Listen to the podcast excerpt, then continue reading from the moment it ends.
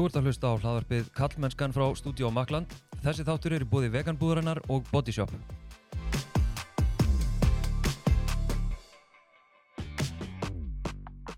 Ég heiti Þorstein Maff Einarsson og sé einnig um samfélagsmiðlinn Kallmennskan á Instagram og Facebook.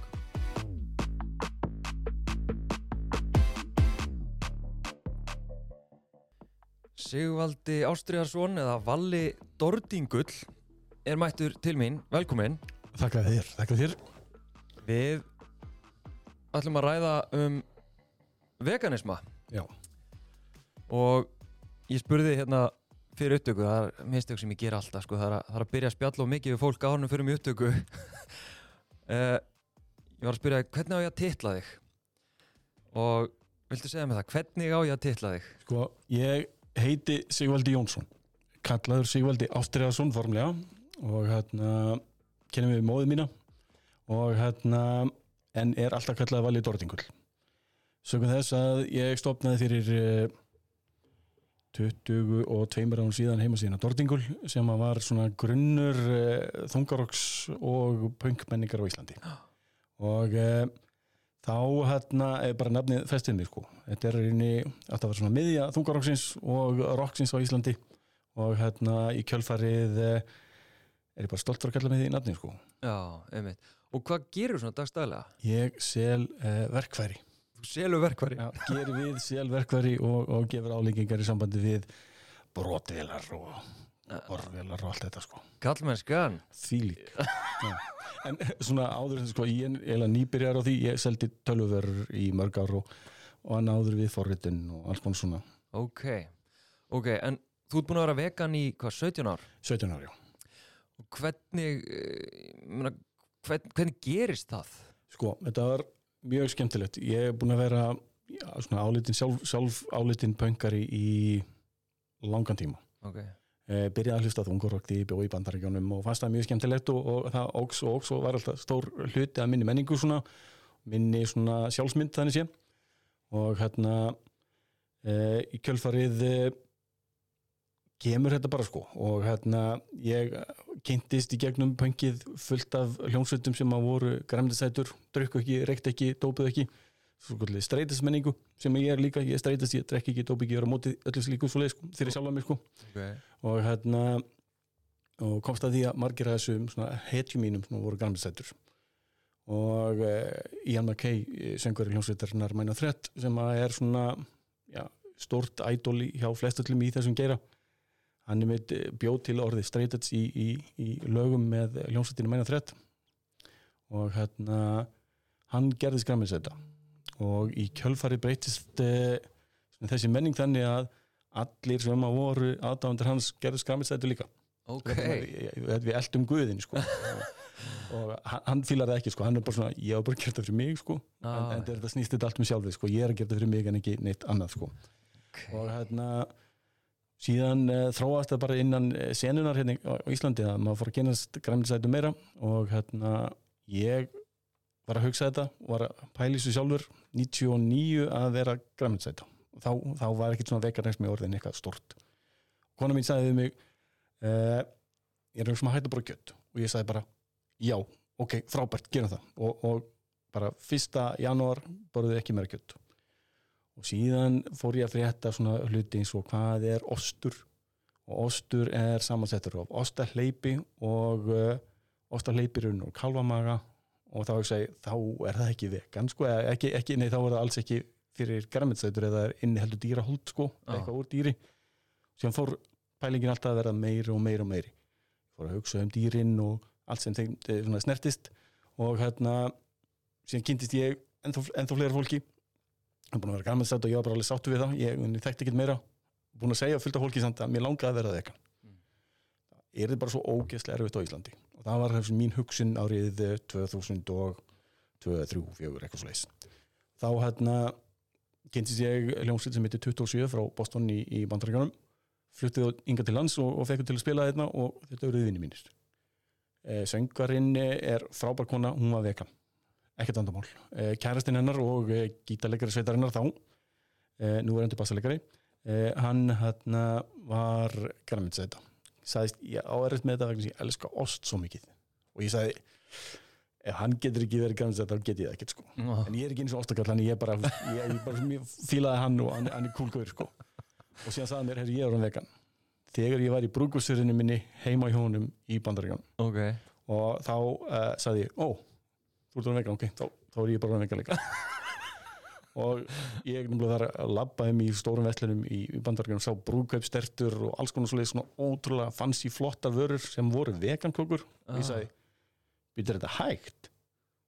Getur verið með þennan mat sem er svona finn og flottur og þetta þarf ekki alltaf að vera húst afrískir botréttir eins og þetta var svolítið hérna á Íslandi á þessum tíma. Já, og þá ég sagði bara ok, þá er þetta ekki vandamál, þá er ég bara vegan. Hérna í frá er ég vegan.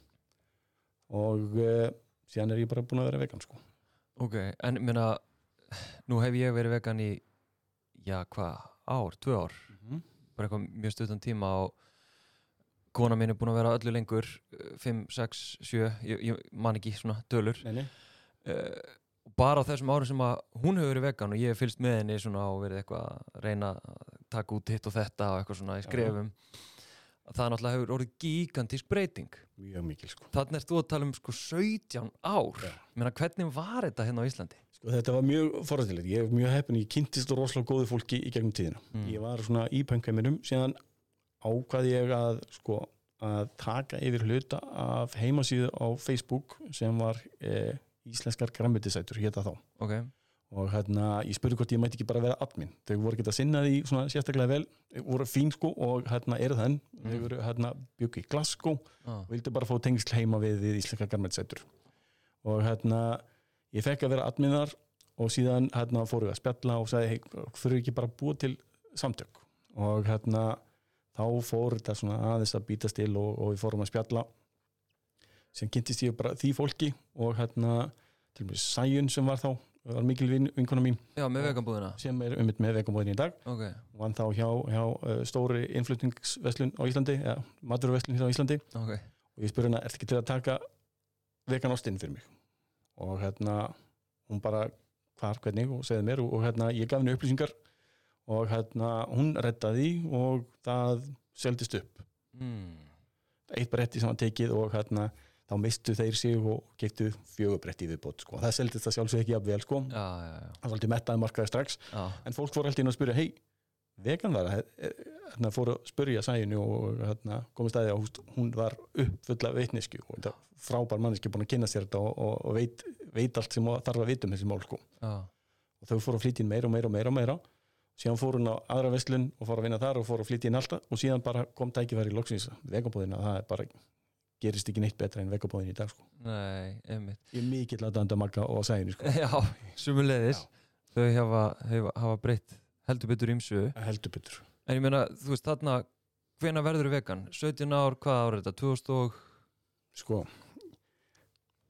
hérna er ég með 16 ára fyrir 16 ár Já.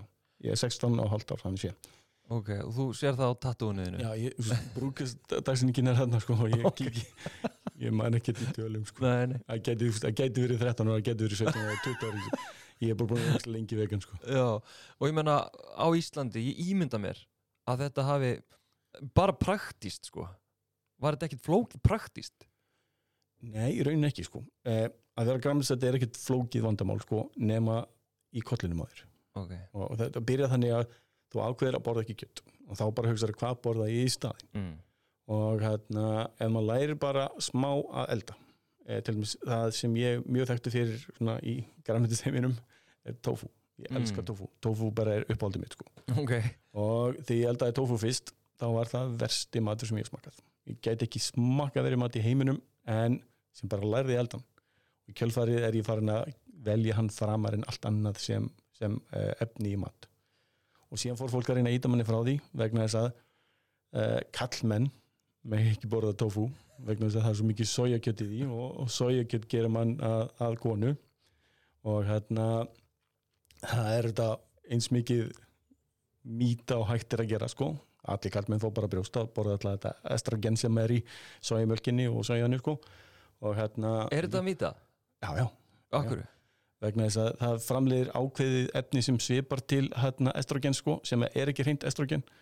En hérna þetta er eins og að þetta er eins og segja að þú færð spena því að, að drekka góðamjólk sko. Mm. það er þetta kvenkins hormonar sem fylgja því líka sko. mm. og það má ekki gleyma að það, það dettur ekkert úr því sko. Mhm.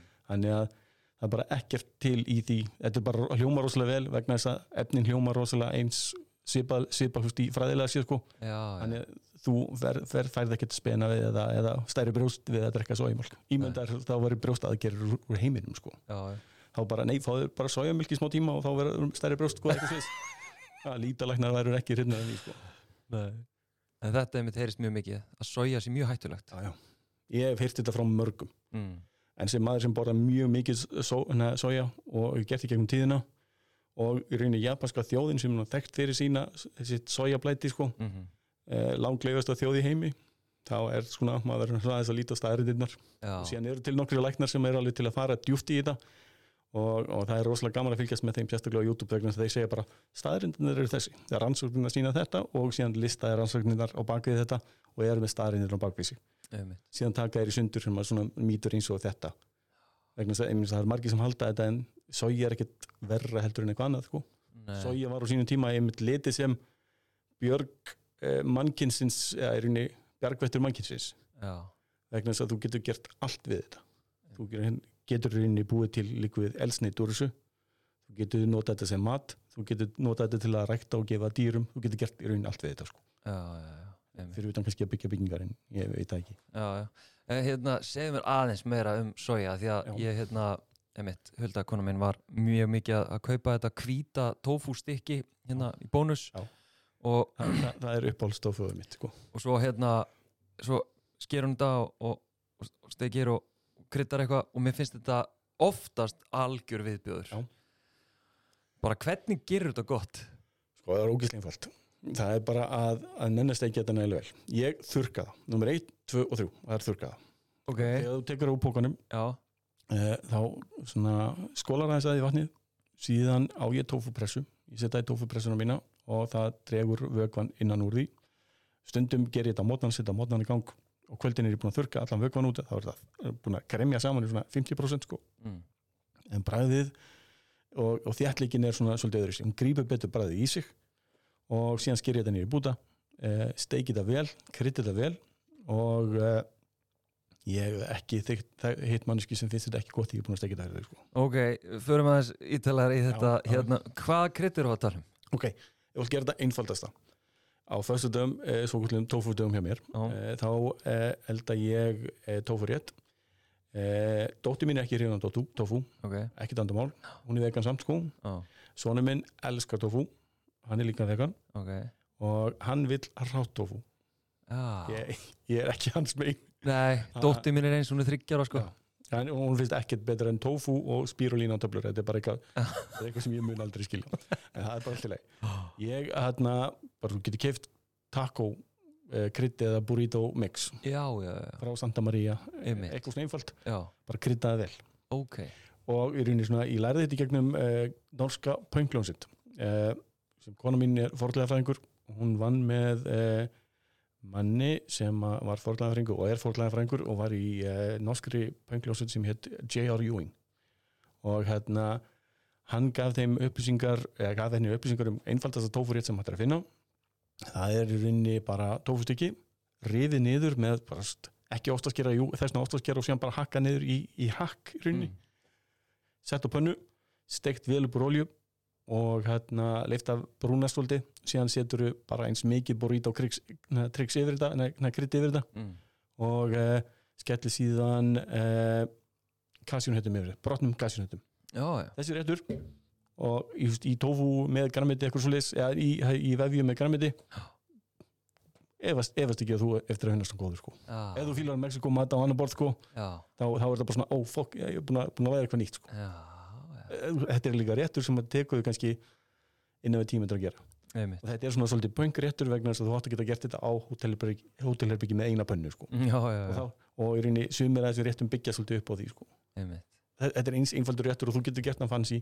Já, í gerum sundum tilraunir, setjum alls konar auka krydd út í þetta og svoleiðis. Þá er þetta gott sko. já, já, ok. Líkitin er samt svolítið að steikja þetta vel. Svo já, þetta sé ekki svona slepilegt og mjúkt. Já, já, vilt hafa þetta alveg svona bara svona stökt er svolítið crunchy á auðan en mjúkt að hennan já, einmitt Já, ég fíla það sko. Ég það greinlega að prófa þetta. En þú sagðir áðan að, að hérna, veist, þetta kemur svolítið úr pönginu og Já. þú sagðir ég er bara vegan fyrir sjálfa mig. Já. Er það ennþá þannig? Nei, sko, ég er edge fyrir sjálf mig sko. Ah, Ég er edge fyrir sjálf mig Já, já, já. Ég er, hérna, drekki ekki dóbiki og svoleiðis en það snýst um sjálf mig og mig einan sko. já. Ég er vegan fyrir dýrin Þú ert vegan fyrir dýrin. Já. Ég var það ekki upp af því Í rauninni var uppafs ástæðan okkar hjóna að hætta bara kjöt. Mér fannst bara kjöt ekki gott. Og hérna kjöt í heilsinni fyrir mig er hérna ég hefur aldrei þótt á gott. Mamma mín var blessunulega ekkert sérstaklega góður kokkur. Ok. og hérna en það var hún bara hérna, útivinnandi og, og kom heim og brendi matinn og brendu matu var bestur sko. Já, já, þannig ég vildi brenda mat og hann var ekki brendur þá hugsaði ég bara hvað er það þessum kokki, hann kann ekki elda. Já. Og hérna og ég bara verið alla, tíð þannig síðan fór ég uppskurð þegar ég var fimm ára og hérna var bannað að drakka mjólk í þrjár vikur og eftir það gæti ég ekki drukkið já. þá var ég greinlega búin að mynda mér eitthvað svona eitthvað bara algjört óþól gegn mjólk Mm. og ég finn lykt af mjólk þá er það bara svona eins og að finna lykt af ælu fyrir svona venjulegt fólk sko. Já, já. og hérna þessi hlutur gera þetta rosalega auðvelt fyrir mig sko. Mm. en hérna ja, þetta er ekkert, ekkert sem að maður hérna, hérna ætti að sjá eftir sko. Nei, nei. Nei. En hérna, já, hann er vegan fyrir dýrin mm -hmm. og er það bara einhvern veginn passion sem kemur setna, segir eða... ég, ég gerðist vegan vegna sem ég var skjöld vond Mm. og það er upp af ástæðan mín sko. ég hafa bara ekkert sem heitlaði mig við hérna, kjöt ef það átti að vera elda þá var það að vera brent og eins og, eins og, bara, eins og ég gerðist græmisæta fyrst og síðan var það þannig ég ætla að pröfa að hérna, sleppa ástinum vegna ásturinn greinleiki hérna græmisættur Já. síðan sá ég frétt á rúf þar sem stóð um ástand á kjúklingabú og ég bara, ha e, þetta er ekki svona Íslandi þetta er sama setningin og allir segja sko já, já. og síðan sá ég bara jú, fréttir af þessu og síðan sá ég fréttir af fólki á Íslandi sem er að vinna á kjúklingabúum og sagði, jú, þetta er nákvæmlega eins, þetta er bara, ég held þetta að vera heima í vinnunum minni sko. Og ég bara, ok ég get ekki stutt þetta og, og, og hérna, hérna fór að hugsa minn gang ennþá dýbra þá fór ég að hugsa að ég greinilega gera þetta það er miklu meira ástrið á bakvið þetta heldur en bara og það með ekki kjötvond síðan sá maður hvernig það farið með svínin og bara meðferðin á, á, á karlkins hérna, svínum, litlum grísum að það skorið undan þeim svo að þeir bræðist betur þegar þau vaksa sko. Þessi litlu hlutur, það er ekki eins og svæfð dýrin og það er bara svo illa farið með dýrin. Mm. Og síðan sér maður þetta fréttirnar um hvernig farið með hænur í ægjaframislu þetta eru tvær hænur sem búa í einu frímerki. Þrjú ár, fá ekki að fara þarna út. Það eru svo hefnundýrin síðan er talað um svona lausagöngu hænur það er reyna að hafa það verð vegna þess að það eru rauninni á jafn stóru svæði nema bara að það eru þúsund hænur þarna líka. Og ef það eru lífrænar ef þetta er svona lausagöngu hænar og þeir opna gluggan þá eru þið búin að fá nýjan staðal sem þetta er frábæra lausagöngu hænur sko, og með lífrænu stimpli eða eitthvað slís þetta er, þetta er mjög mikil einföldun hjá mér en ég hugsa bara, wow, ég get ekkert stutt þetta sko. En þetta heyrist mjög ofta hérna, nefnir, þetta er ekki svona Íslandi eh, hérna, ég get alveg verið dýravinnur þó ég borði dýr St- standardsetningar sko. Já, þetta er tekið úr svona svarbók getatinnar sko, karnistans sko. en sko fólk og ég, meina, ég held að ég hafi verið þarna sjálfur sko, að hérna þetta er, þetta er eitthvað sem að bara fyrst vera bara í alvurni hluta sjálfsmynd fólks að telja sig vera dýravinni já, já, það eru, eru allir dýraðinni sko. að, að, fólk get eftir ekki annað í hug ég elska köttu minn, ég elska hundi minn ég elska hamstöru minn, eitthvað svona sko. þetta er svona djúb hugsun sem maður hugsar alltaf ég hef alltaf verið góð við dýr en hérna, þegar maður hugsar það dýbra og hugsar, en hvað borðaður í gerkvöldi sko? Já, ég hérna, let hérna, ókunnan mann slátra fyrir mig svíni sko. ég, góð mjög mýta um hversu hérna, góður hambúrgar getur verið. Hambúrgari með, með beikoni og oggi og húst, osti og svona þess þetta eru húst fjögur til fimm dýr sem hafa þjást fyrir að fá einn litin hambúrgara ekki bara húst hænan sem þurfti að vera í þrjú ár í, í búri. Ekki svíni sem var slátrað fyrir það að, að, að, að jafnvel skorið, skorið pungurinn að því húst, bara til þess að, að það myndi bræðast betur. Það er þjáningin á bakvið það að þurfa að búa í litlu svæði á við hræðilega aðstæður. Eh, svínið er, það er þetta bara svona sérkapituli síðan er það nautgripurinn sem þurfti að alast upp hratt án móður og hérna borðandi sojakjöld eða svona, alls konar svona dót bara eins mikið prótín og hættir að fá við hræðilega aðstæðu líka.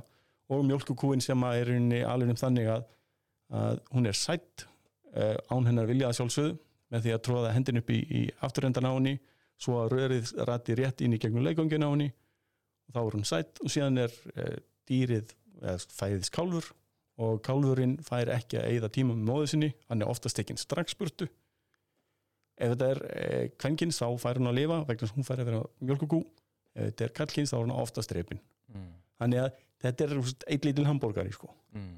Og það er ekki mikið ánægja þegar maður hugsa til enda. Og fólk vill auðvitað ekki gera það. Nei, og fólk, ég held að fólk gerir það ekki. Veist, er, ekki, enginn. er ekki að fara svona í þetta eins og þú ert að lýsa þessu. Þetta er náttúrulega algjörlega hræðilegt. Þetta, sko, þetta er allt satt sko en þetta er ömulegt að hugsa um það sko. Og fólk Já. vill ekki búi þessum heimi þegar það þarf að hugsa um þessar upplýsingar Nei, og, og þú veist og ég bara, ég verð svo mind blown í höfðunni, ég næ ekki alveg utan að hvers vegna við trúum því alvörinni að þetta sé miklu betra og þetta sé sko eins og, eins og dýrin sé bara svona velja það sjálf já, já, að, að fæðast í þetta. Já, ég meina, ég valdi nú bara það sjálfa, hérna, ég ætla bara að vera bacon. Já, Og, og, og, ekki gleyma því að, að beljan gefur okkur mjölkina sína sko. Hún gefur hana ekki sko. Er, hún þarf að gefa hana vegna að hún er búið að ala þetta dýr upp uh, áratugum saman svo hún verði stærri og meiri svo hún gefi frá sér meiri mjólk svo hægt sér að taka börninu af henni svo hún geti gefið okkur að borða. Þetta er eins og góði brandari sem ég sá eitthvað starf á, á, á, á, YouTube þá var þannig að ímyndi ykkur hversu mikið völd við höfum yfir beljunni. Ekki nóg með það að við eh, sæðum hana og hérna drekkum hérna mjólk barnan hennar heldur hérna merkjum við hérna matarfernur eða svona mjólkufernur í bandarækjunum með myndir af okkar börnum sem eru tínt sko meðan við erum búin að ræna börnunum þeirra mm. þannig að það er kaldæni eftir kaldæni eftir kaldæni við höfum aldrei farið vel með dýrin sko. Mm. en sko bændur er ekkit slæm, slæm, slæmar mannverur sko. má ekki gleyma því en það er, þú veist, fólk er ofta bara, bara alið upp við ákveðna hinsmynd þetta er við að gera, svona hefur við alltaf gert þetta og svona munum við alltaf að gera þetta en það er alveg til tími og pláss fyrir þetta það er bara sá tími er að líða Já, minni mig á hérna þáttin, hérna, Lófu Pind þáttin, hérna, ævegan þátturinn, já, ég horfði ekki á hann, sko nei, en þá einmitt var þar uh, svona, hérna, bændur mm -hmm. sem voru hluti af því og, og þá náttúrulega var í, rauninni eh, sjónarhóttni var svona umhverfis áhrifin. Þá voru bændirnir svo uppteknir af því, sko, og bara til að taka fram, náttúrulega, uh, hérna, veganismi snýst fyrst og fremst um dýrin, en, en fólk velur þetta af ímsum ástæðum. sjálfsög og hérna sumir hafa hérna einmitt umhverfis ástæðunar dýravendunasjónamið bara svona prinsip ástæður já, já. siðfyrir ástæður, alls Einmitt. konar uh, en þau sem sagt vildu meina það að það væri í rauninni starra kólöfnisspor af innfluttu og það væri betra fyrir landið og fyrir umhverfið að neyta afurða úr sínu nærumhverfi sko undir venjulegum kringustan er þetta rétt sko. En þannig ertu að ímynda er fullkomin heim þar sem að þú rauninni ert að vinna með svo reyna og fallega vöru að hálfa það er nóg mm. eh, vegansamtökin, nei eh, veganbúðin eh, létt gera rannsóknir á, á þetta fyrir umfgjöt sem að þau selja. Ok, og það kom bara í ljós að það er eh, betara fyrir umhverfið að þau kaupa sér umfpoka frá Svíþjóð heldur en að borða kjött frá Íslandi sem er allt framkvæmt og vegna þess að það má, gleyma, má ekki gleyma því að magnið af vöru fæði, vatni og öllu þessu sem fer í að viðhalda einu nautgrip er gríðalegt. Og það er nánast tvöfald eða þrefald miða við framleiðsluna, umflutningin og komuna í búðina til Íslands. Einmitt. Ég veit á lendir í því, viltu gefa mig dæmi þar sem að þú hefur svona lend í þessu samtali? Bara, já, ég vel nú frekar að velja hérna kúna hérna sem er alveg upp í garðinu mínum heldur en að flytja inn eitthvað frá Ameríku eða eitthvað svona einmitt. Ég hef sko, fólk þorir oftast ekki að tala svona við mig, sko. Ok. ég líti ekki út fyrir að vera gaurin sem er svona góður að taka skoti, sko. Og þarna þau voru orðin svona gamall og orðin sítt skegg og, og tattoo og þá er kannski fólk ekki alveg að gera þetta um mig, sko. Fólk gerir þetta alveg um mig fyrir tíu árum síðan, sko. En síðan þá að veit það og ég er búin að vera viðriðin svona veganism á Íslandi svolítið lengi. Ég var til dæmis örglega vegan manneskjan hjá Vísi eða fréttablaðinu svona sjálfsart ef það þurfti að koma eitthvað vegan fram þá var alltaf hringt í mig sko. ok, og hérna ég var til dæmis fyrir til dæmis jólablöðin þá var það hringt í mig og sagði, heyrðu, þekkir ekki eitthvað sem við getum komið fram í jólablaðinu fyrir veganismu Já. ég var alltaf svona kontatæðilin í gamla dag sko. ok, ok en það var ég húst formar samtaka græmitsætt á Íslandi sem núna heita vegansamtökin og, og, og, er eina mannskinn sem stopnaði þessu samtök og hérna það er svona eðlilegt að vera bendlaður alltaf við þetta þannig að fólk er er ekkert að ráðast á mig lengur sko. nei, nei, og all, sko, er inni það harðasta fólkið er inni er svona indalasta fólki sem að er kjötmegin er oftast það fólk sem hefur upplifað mest í uh, kjötiðnaðinum mm. og þá sérstaklega til dæmis ég fæ meiri samúð og rinni vingjalleg heit frá uh, veiðumönnum heldur en til dæmis manneskinu sem vestlar bara út í bónus eða svoleiðis. Já, hvernig þá? bara ég skil alveg gott að það það er ógæslegt að sjá dýr deyja og Já. fólk átt að sjá alveg á því og fattar alveg að það hefur valdi í höndunum á sér já, já, og síðan hérna fór ég ofta að borða með mannesku og hún bara svona, ég veit að þú ert vegan ég elda vegan fyrir þig, ekkert vandamál ekkert vandamál og þetta var veiðumæðurinn sko. en síðan ef maður fór eitthvað annað þá var bara svona, oh, það er fokkin vegan bakk sko. alltaf að eitthvað sér þarfir sko. einmitt, talandi um veiði menn og hérna brúum aðeins yfir í kallmennsku já, uh, nú hef ég já það er mín upplifun að það er ekki mjög margir kallar sem eru ábyrrandi í já kvorki í veganismannum nýja bara um hverfis hérna málum og, og svona bara yfir höfu kannski samfélagsmálum mm -hmm. nema pólitík já, já. uh, getur þú skýrt það? Nei, ég ég held að geti, geti það enginn sko. eins og ég, ég taldi mig vera rosalega ábyrjandi á sínum tíma Já. en það var ég í blöðunum einu sinni í mánuði og ég var í viðtölu með útarpinu og ég var með var í beinni útsendingu á, á stöðtöðu með talaðum veganisma og alls konar svolítið stótt Mm, ég var mjög ábyrjandi og ég, fólk þekkti mig út á götu sem vegangurinn og allt svolítið sko. ok, um, síðan taldi ég bara þegar komið tíma en nú er komið tíma yngri kynnslóð sko. og ég vil að fá yngra fólki áfram nú er ég, þá er ég yfir 40 og það er svona, ég vil að yngra, unga fólki komið áfram þetta sé ekki bara gamli skeggjaðkallin sem er alltaf nöldra í sjónvarpinu sko. og hérna síðan er sko, sko ég held að fólk sé stundum hrætt við það bara að það er rosalegt mótlæti til að byrja með það er gerð grínaðir og það er stuðað og alls konar svoleiðis það er bara ekki allir sem þóla að taka það en þe- þetta er ákveð bara við veganismen þetta er bara, þetta er stjórnmál, þetta er allt mm. að vilja vera í sviðsljósin er eitthvað sem er svona sem þykir ekki dvoðalega kallmannlegt í dag sko. Nei. Já, álít ég kannski frekar.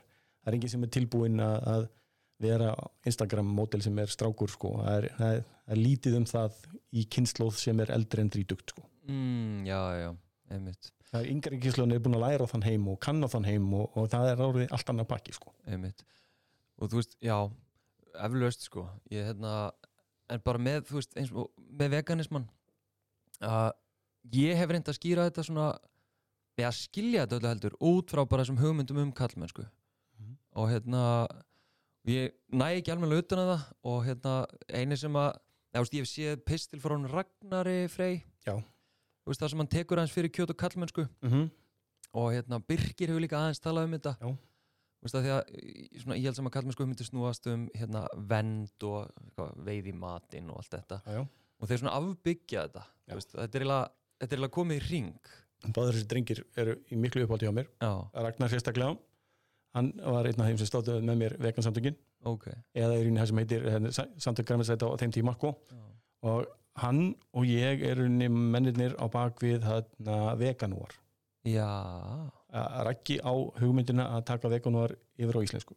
Og hérna talandum að reyna að koma sér í sviðsljósi sko. og hérna hann varð bara stopp með það sko. og þetta er þú veist, 28. desember eða eitthvað svo leys og hann sagði, ei vali, að hætta þetta bara og ég sagði, nei nei gerum þetta bara, pantaði dóminarnið og ég laukus af bara, ég skellti þessi gang og allt í hennu var veganúar til. Já, ok. Og allt í hennu fór að ringja blöðin og þá fór ég í viðtölin og ég dró sæðinu með mér sem var þá svona eh, aðstofamannskja vegna þess að hún, hún tæknilega sé að var alveg mikilvæg og formaðurinn en hún vildi ekki vera formaður vegna þess að hún var bara upptekinn við innflutning á, á vörum sko. og það bara, hún hefði ekki meigað það í út af sínu starfi. Já, já, en ég er bara tölukall og ákvað að segja bara já, sjálfsög, sjálfsög vil ég gera þetta. Þannig að, að þessi aðtikli er rosalega skemmtileg til að byrja með en hérna síðan fer það svolítið mjög miður ef að þú kynnist fjölmiðli eins og DFF eða ykkur og sliðis ég var til dæmis ótrúlega reyður og ég skrifaði bara reyt bref eitthvað tíman á Facebooki mitt. Bara ég var orðin að leiður á framkomi við einhver dýr, ég man ekki eins og hvað ég var að skrifa. Ég bara þessi meðferðin er alveg hræðileg og, og, og, og held ég áfram. Og síðan var bara að tekið mynda mér ræðasta myndi sem ég átti að mér sko. Að svartu bakgrunnur og ég leit út fyrir að vera vikingurinn í einhverju, bandarískri bíómynd. Já, og hérna þetta var bara stór frétt og þetta var forsýði fréttin og djafaf.is í eitthvað tíma og það sem var skrifað um mig maður, ég skil alveg að fólk vilja ekkert að koma nálega þessu sko, já, það átt að taka börnin af mér og, og ég var í rauninni að gera eins illt og hægt verið og ég var að eðalega æsku barnana minn og bla bla bla bla bla, það var talað rosalega illa mann sko. Já, og ég bara, ég bara trúði ekki að þessi maður sér þess að manni ílsku í dag í kommentarkerunum alveg auðvöldlega sko. En að þurfa að upplega þetta er, er einstakt sko. Já, en sko út af því ég vildi ekki að fólk borðaði kjött sko. Einmitt. Og í grunninn finnst mér rosalega gaman að gera grína fólki sem setur út af mig út í að vegan og það er að byrja, ertu virkilega reyður við mig út af því að ég borði ekki sama mat og þú? Það er í grunninn er það sem veganismi er sko. Mm. eða burt ítur allum hugmyndum og bakvita þá þýr bara, ég, við erum ekki að borða saman matinn. Og ef að það fyrir svona í tögunar er þá er svolítið vandamálið þín. Það er verið augljóst. En fólk einhvern veginn byrjar ofta í vörn svona, þú veist, já, ert þú vegan? Já, ég borða nú rosa lítið kjöt og... Já, hversu óteirum að þetta? Hvað er það? sko, ég til að fólk er bara að reyna sko, það veit alveg að það er- til lægið þetta sko. Undir meðvitun veit það sko. Já, að sko, það er þetta sem er sko, ég þekki alveg fólk sem er græmastættur nema bara, bara getur mjólinn og, mm. og, og er að vegan nema að borða bara húst, mjólk á daginn eða eitthvað sko, þetta er bara þetta er svona, fólk er alveg að réttlæta allt fyrir sér sko, já, það er já. rosalega flott og, og gott að tilhera einhverjum hóp en veganismi á eftir að vera svo svakalega stóra þannig ég hef engar áhyggjur í dag sko. Nei, nei. Hafður einhvern tímann áhugjur á því að þetta fær ekkert? mér dætt aldrei huga að þetta er svona stórt sko. Ja. á Íslandi finnst mér veganismi frekar stór Já, ég hef alveg búið í Breitlandi og ég hef búið í Bandaríkjónum og ég hef verið út um allt sko og mér finnst hann vera stærri eiginlega á Íslandi og auðsækjanlegri hér heldur en á flestöllum öðrum stöðum sem ég verið á. Áhverju heldur það sé? uh, vegansamtökin sem dæmi. Uh, það sem þau eru búin að gera síðislega ár er búin að vera frábært sko. ég fór að ringdi í hvern einasta framlegenda ég spurði um vörur og baðum vörur. Ég var nöldrandi kallið sem ringdi í alla. Uh, eru þið til að bjóða upp á þetta? Bjóða upp á þetta, bjóða upp á þetta. Og ég ítti undir eftirspurninguna þannig bara að, og ég, ef að þá kom eitthvað þá fór ég og kefti það ég sá til þess að frambúði var hluti að því, sko, ef það er frambúð þá er eftirspurn og, og hérna ég sá til þess að þetta gekk upp sko. Já, já, og svoleiðis lærði markaðurinn á þetta og í dag get ég farið í aftur takt og get mér hambúrgar sko. ég get farið út í, í um það byrjum svona 90% af veitingastöðum og get mér vegan rétt af einmitt. sem að var ekki hægt fyrir fimm árum síðan sko. Nei, einmitt. og þetta er bara þetta er vinna sem að vera búin að vinna ekki bara ég, heldur bara þessi hópur af vegan fólki á Íslandi Já, hann er einmitt hérna uh, hópurinn mín upplifin verist vera mjög einmitt öflugur og, og hérna ég átti einmitt samtal við eina vinkonu mína sem er búin að vera vegan ég man ekki einhver, álíka mörg ár og þú Mhm. og hún sagði sko að það er svo mikil, mikil kynslu á munur þau sem eru búin að vera vegan í bara nokkur ár Já. meðan við hana til dæmis ég veit ekki hvort þetta snúa kvenleika og kallmennsku hugmyndum að því að þú ert svona rótækur og, og bara herðu hvað er í gangi en á brjálæður Mhm. og menna hún svona já nei, nei, þetta er allt ykkur, ég þarf ekki að fá neitt þú veist, gerði engar kröfur Já. skilur, hún lærði það að vera ekki með vesen vera ekki að gera neina kröfur þannig gerir maður alltaf til að byrja með sko. já, ég raun- rosalega þreyttur af því að mæta í fermingar eða alls konar veislur og fá aldrei neitt sko. já, þá gæti ég valið húst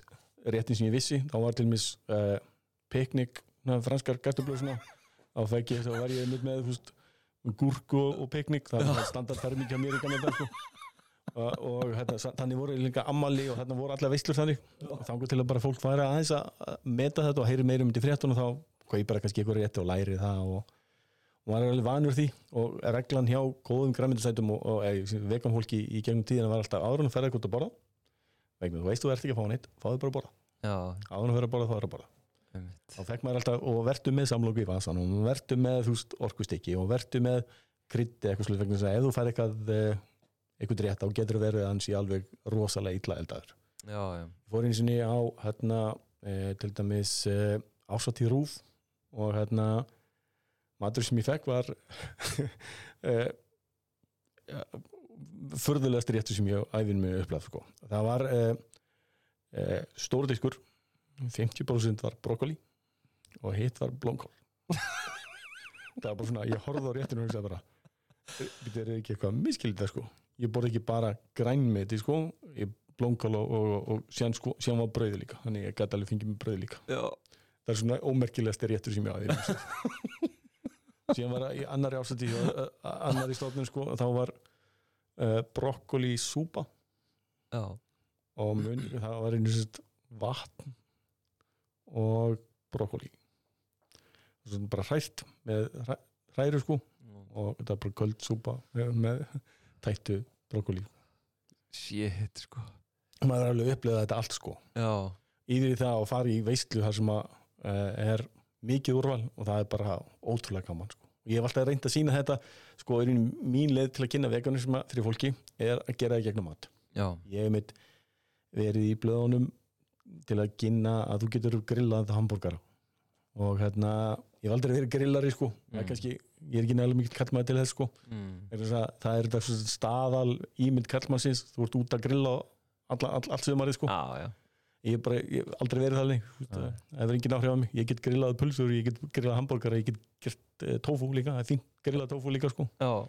en hérna, bara ég hef aldrei verið þar sko en það hefur engin áhrif á mig Nei. en ég er alveg upp í, í breiðoltinu og okkar, okkar heimsmynd var kannski ekki alveg það að við verðum að vera kallmannlegir til þess að gera þetta Nei. þannig að ég, ég, ég þekki ekki alveg þessa kallmenns, kallmanns ímynd heimsins á hverjum áalluð í dag sko Nei, ég er bara alveg upp og, og, og, og flaggaði um þannig ég var bara svona vennileg gaur sko þannig að ég, þessi kallmennska þekki ég aðalega bara úr bandarskum bíómyndum sko Já, já.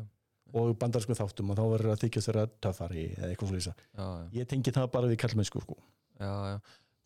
Mér finnst voðalega stert þetta sko, því rauðar og blóður og kjöt því meiri maður ertu sko. Já, ég, er ég hef aldrei getað borðað blóður kjött sko. Ég, ég, ég hef aldrei séð það sko. Nei, þú ert bara ónæmur fyrir þessum áhrifum ég bara hefur engin ára á þeim sko. En færðu ekki núna bara Meina, færðu ekki svona einhver aðtöðasendur einhver svona komment, einhver svona lítil skoð jú, jú, jú, jú, það er nú bara hlutað að vera manniska sko.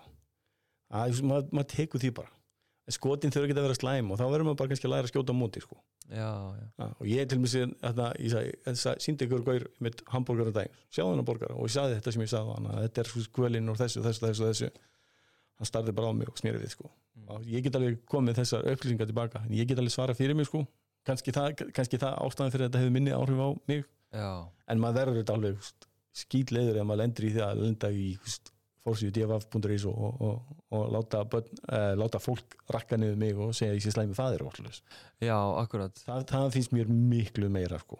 einmitt, það, þá er ekki verið að ráðast á mig sem persónu hefur verið að, reið, að ráðast á öll mín gildi og í rauninu verið að segja að börni mín séu illi balinn sko, já. Sem ég álita að þessu bara gætir ekki fundið betri krakka sko. En hvernig tæklar það þegar þú hérna farið svona skot að, að þú sett nú að vanrækja börnin og Mm. þvinga þau í ha, hafa þau ekkert val og Já, ok. okay. þau ekki velja fyrir sjálfa sig og allt þetta Það er mjög gaman að- að að hugsa um þessa, þetta spurningu af hverju ég er að þvinga börnum til að vera vegan eða græmitsættur sko. Einmitt.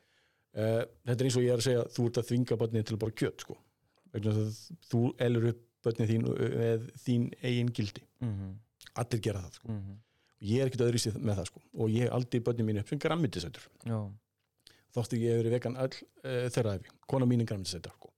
þrátt fyrir að við eh, borðum bara vegan heima hjá okkur uh, dóttur mín þegar hún var fimm bara sagði pabbi, ég vil vera vegan og ég var bara svona sælubrósi og, það leyndi sér ekki á, andri námi sko. ég eins og ég veist að ég er ekki byggðið um þetta en hún sagði bara ég veit hvað þetta þýðir og ég er búin að vera að hugsa um beljuna og ég er búin að vera að hugsa um ekkin og allt þetta. Og ég ætla að vera vegan pabbi. Og ég var bara svona ég gætir ekki að sé að mikið samar í mann þá akkurat hún hérna endist í viku já, og þá var Amalísveitla og þá fór hún að gráta vegna þess að allir fengu eitthvað gott en ekki hún. Já, eh, hún byrjaði sem eftir að vera vegan. Eða bara eða strax aftur, hún bara svona ég, ég, hún var, var ekki búin að læra. Hún ákvaða einu degi að vera vegan, hann, hún var ekki alveg tilbúin í það en hún hefur verið vegan síðan þá, hún er tíu ári í dag sko. ok. Þannig að, að eh, hún er rosalega sterk sterk og mikil vegan sko. Og hérna strákurinn minn er, er svona uppáhaldsmatur hann í heiminum hans í heiminum e, var alltaf margarita pizza. Já, og að þurfa að missa það úr heiminu sinni hann gata ekki sko. En síðan einn daginn sagði við mig, er pabbi að veganúar, þetta fyrir þreymar ánum held ég síðan. Uh, ég ætla að taka þátt í veganúar ok, frábært bara ógæslega stoltur að þið og síðan eftir mánuð sagði hann hérna uh, ég sagði ég ætla að fá, fá þið bara margarita pizza aftur. Nei, ég sagði, pabbi, miskildi sko ég er vegan, ég sagði ætla að taka þátt í veganúar sko, þá er ég orðin vegan sko. Og ég bara, "Ó, ok, cool. Og síðan hérna bara gindi honum að búi til góða margarita pizza og það er bara fínt sko. Kynni honum bara fyrir uppáld pizzinu sem fara í flatbökunni eitthvað svona og fá sér, fá sér eitthvað svona deluxe pizza sko. Einmitt, og þá bara fólk eh, sér að það er alveg möguleik sko einmitt, síðan getur maður keft tilbúna margarita pizza líka út í búð þannig að það er frábært sko. og vegan búin alltaf með enda lust á stöfi ég sko fer hverjum einustu viku á vegan. Ég er ekkit að plugga neitt sko. Ég er að plugga. það, er engin að plugga fá mig til að plugga vegan sko. Ég elska að bara starfsfólki hérna á búðina og hérna er hérna staðstu viðskiptaðinum sko.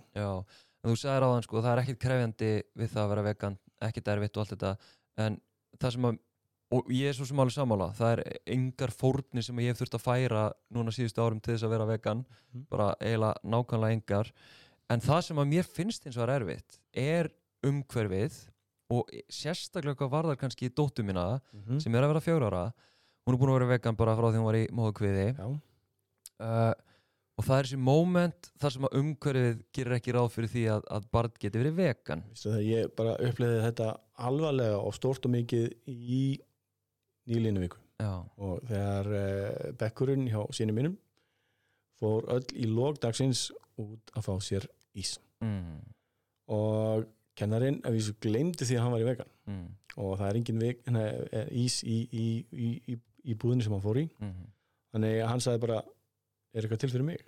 Þá sagði hann e, nei það er ekki til fyrir þig. En hérna þá fór hann bara má ég þá ekki bara fara eða hún leið bara eins og að hann væri einskísverður greiðstrákurinn einmitt. Hann fekk ekki að taka þátt í hlutunum í hinnum en ég spurði þú veist að þú þarft ekki að vera vegan kallið minn sko. Þú mátt eh, gera eins og hinnir nei, mér dettur það aldrei í hug sko. En síðan hérna, talaði ég við kennarann sko. Hún baðst innilega afsökur hún sagði hefði ég bara munið eftir þessu þá hefði ég komið við í búðinu og leiðinu vegna ég veit að er vegan ís þar og ég hefði við hefum kipt veist ís þar sko það var bara vanhugsun og ég hef upplifað þessi, þessi, þessi moment rosalega oft Já. ammali sérstaklega hjá, Já. þetta eru, krakkamalin eru þannig stór. Mhm. en ég hefði bara fyrir reglu að ég undirbýði þetta svolítið vel.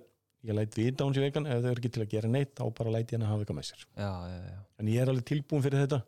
Ef þetta gerist í skóladegi þá segi ég heyrðu, það er ís, ísikvöld í okkur, það er ekkert einmitt. Ég reyna að bæta þetta upp alltaf já, sína, það er alltaf möguleikar í bóði en hérna, þetta er erfiðast fyrir litlu krakkana en þegar þau eru orðin hör- hörð og góð í þessu sko. já, já, dóti mín getur ekki labba í, í maturubúða þess að hálfbartin guppa sko. nei, nei og þegar hún heldur og svona, og ég veit þegar hún byrjar að halda fyrir augun á sér þá veit ég að, að það er kjötból eitthvað stannar álægt sko. og ég var að vísa þannig sjálfur svona, þannig að það er ekkert verra en að fara inn í maturvæslu með fersku kjötbóri sko. mhm, ég finn hérna hún er rosalega sterk og blóðlíktin er svakalig sko. ég mynd man hvað það var magnað sko þegar ég var búin að vera vegan í einhverja mánuði að hérna ég man ekki hvort ég fann lyktina eða hérna bragðaði óvart eitthvað sem að var annarkvort með mjólk eða eggi Já. og þá fann ég bara þessa kúkafílu sko Já. það er alveg Já. magnað ég, ég finn það mjög auðvallega af öllu mjölkutengtur sko.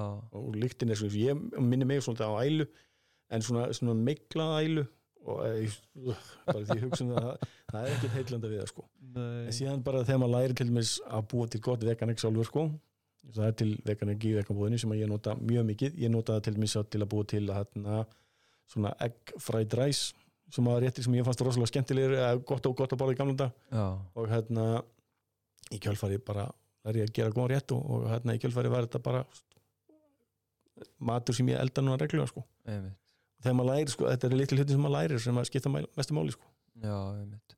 En fyrir fólk sem að hérna, eh, hefur ekki sturlast yfir, yfir hérna, því sem við erum að tala hérna, um og, og er áhugasamt og vil stíga inn í þetta eh, meina, hvað er það veist, tökum bara dæmi, hér er manneskja hlusta mm -hmm. uh, veist, bara, lífið hennar er bara bara kjöt og mjölkuvörur og veist, allt þetta bara er engan veginn inn í vegan, veist, veit ekki neitt eða veit voða lítið og, en vill einhvern veginn stíga inn í þetta nei, hvað er ég með kveikt á vasiljósunni hérna uh, hvað er það sem að hún getur byrjað að gera? Ég er alveg alltaf að byrja að minka kjöt. Það er ekkert eðlert við það að borða kjöt í allar máltíðir ári, eða, þú veist, á eða deginu, í morgumat, í hátegismat, í kvöldmat eða í eitthvað aðra rétti. Byrjaði því að minka það í eitt rétt og hafði meira grammidinu og nokkuð tímann haft áður. Það er einu grunnurinn. Það er alltaf að byrja þannig. Þegar þú fara að sakna kjötsins, þegar kjöturinn verður minni hluti af réttinum, sem er minnst, það er einu bara prótengjafin og þá getur þú fara að skipta þeim prótengjafa út fyrir eitthvað annað það getur verið tofu, það getur verið sojekjöt, það getur verið góður baunaréttir og baunir er eitthvað það besta sem hægt er að gera fyrir mannkynni sko. og það, það er eitthvað sem ég myndi alltaf ráðleika fólki Já, byrjaði að minka og sjáðu hvað getur breytt veist, ef, þú pröfa eitthvað nýtt fyndu staðgengla og staðgengla það er til nóga þeim sko. þú getur fengir bara húst, frá junkyard, þá getur fengir subway með, hérna, með einmitt. sem er bara rosalega góður matur sko. Mm. þú getur alveg fengið junkmatinn og þú getur fengið allt þetta sem þú þarft sko. Það er nóg í bóði en bara sína því áhuga sko. Og er ekkit þú þarft ekki að læra að borða upp á nýtt þú getur nota gömlu uppskriftina frá afaðinum sem að, hufst, er 100 ára gammal sko. Þannig er ég að vitna beint í hérna, junkyard sko, samloku- hérna, góðan borgara þar sko. já, og hérna afans átti 100 ára gamla hérna, hérna, uppskrift sem hann er búin að bara gera vegan og hún er stórkostleg sko, besti Mm. borgari sem hættir að fá landinu örugglega. einmitt. og hérna það er alveg hægt að læra sko. við þurfum ekki að finna upp hjólið við getum bara aðlaga því að, að nýri og betri tíma Já, einmitt. Og kannski líka, þú veist, að fara inn í væntingarnar, hérna, að því ég man, ég, til að byrja með, þá vildi ég fá eitthvað sem væri alveg eins og nautakjött. já, einmitt. Þú veist, að bragðu og áferðu öllu. þetta finnum við sérstaklega fyrir með ostaumræðina Já, já, já, já. þú vilt fá úst, MS ost að bragð úr þessu en ég er þetta smakaði ostýrinni að fyrsta getið því á 15 ára Já, ég hafði ekki þólað hann sko ég, og ég, ég lærði að borða pítsu því á 15 ára en í rauninni, það er það í rauninni fyrst að það var svo auðvelt að taka það burt fyrir mig sko. en að til að osturinn sé alveg eins er í rauninni mestu mistökin og það er rauninni besta sem að fólk getur gert er að hætta að borða ost og láta hann svolítið vera í svolítið tíma og þegar þú smakka gerfi ostinn, veganostinn þá fyrst fer hann að vera góður sko. þá fer hann að skila, já ok, nú skilja hann skila sama hlutverki, hann bræðast ekki alveg eins en hann skila sama hlutverki eins og þú getur fengið ostaborgara eða ostasamleikun eða pítsuna eða eitthvað svo leys þetta er ekki það sama en þetta er staði gengil. Og osturinn, talandi um ost, Mhm. að því ég verið þetta oft. Ég, ég gæti alveg verið vegan, en ég get ekki sleppt osti. Já. En núna er bara komin svo ógeðslega fjölbreyttur og góður ostur. þetta, þetta er bara aukast. Nú er fólk loksins farið að hugsa það er hægt að gera eitthvað sko. Já, og það er líka það er til sko 10-20 góðar tegundir og sérstaklega ef þú fer að blanda þeim saman þá orðið að upplifa eitthvað nýjan heim sko. já, ef þú kaupir rifin ost frá þessum framlega og rifin ost frá þessum framlega þetta og blanda þeim saman það er komið með okkar sem líkist í sem þú er kannski átti vona og Já. oft er það svona, þetta er ekki eins og íslenskur ostur nei, þetta er kannski eins og bandarískur ostur já, þá er þetta eins og að panta pítsu í bandaríkjónum eða ætlar að fá þér ostapítsu þannig lærum maður þetta svona smá saman. Herðu, Vali Dordingull, yes takk fyrir spjallið. takk sem leiðis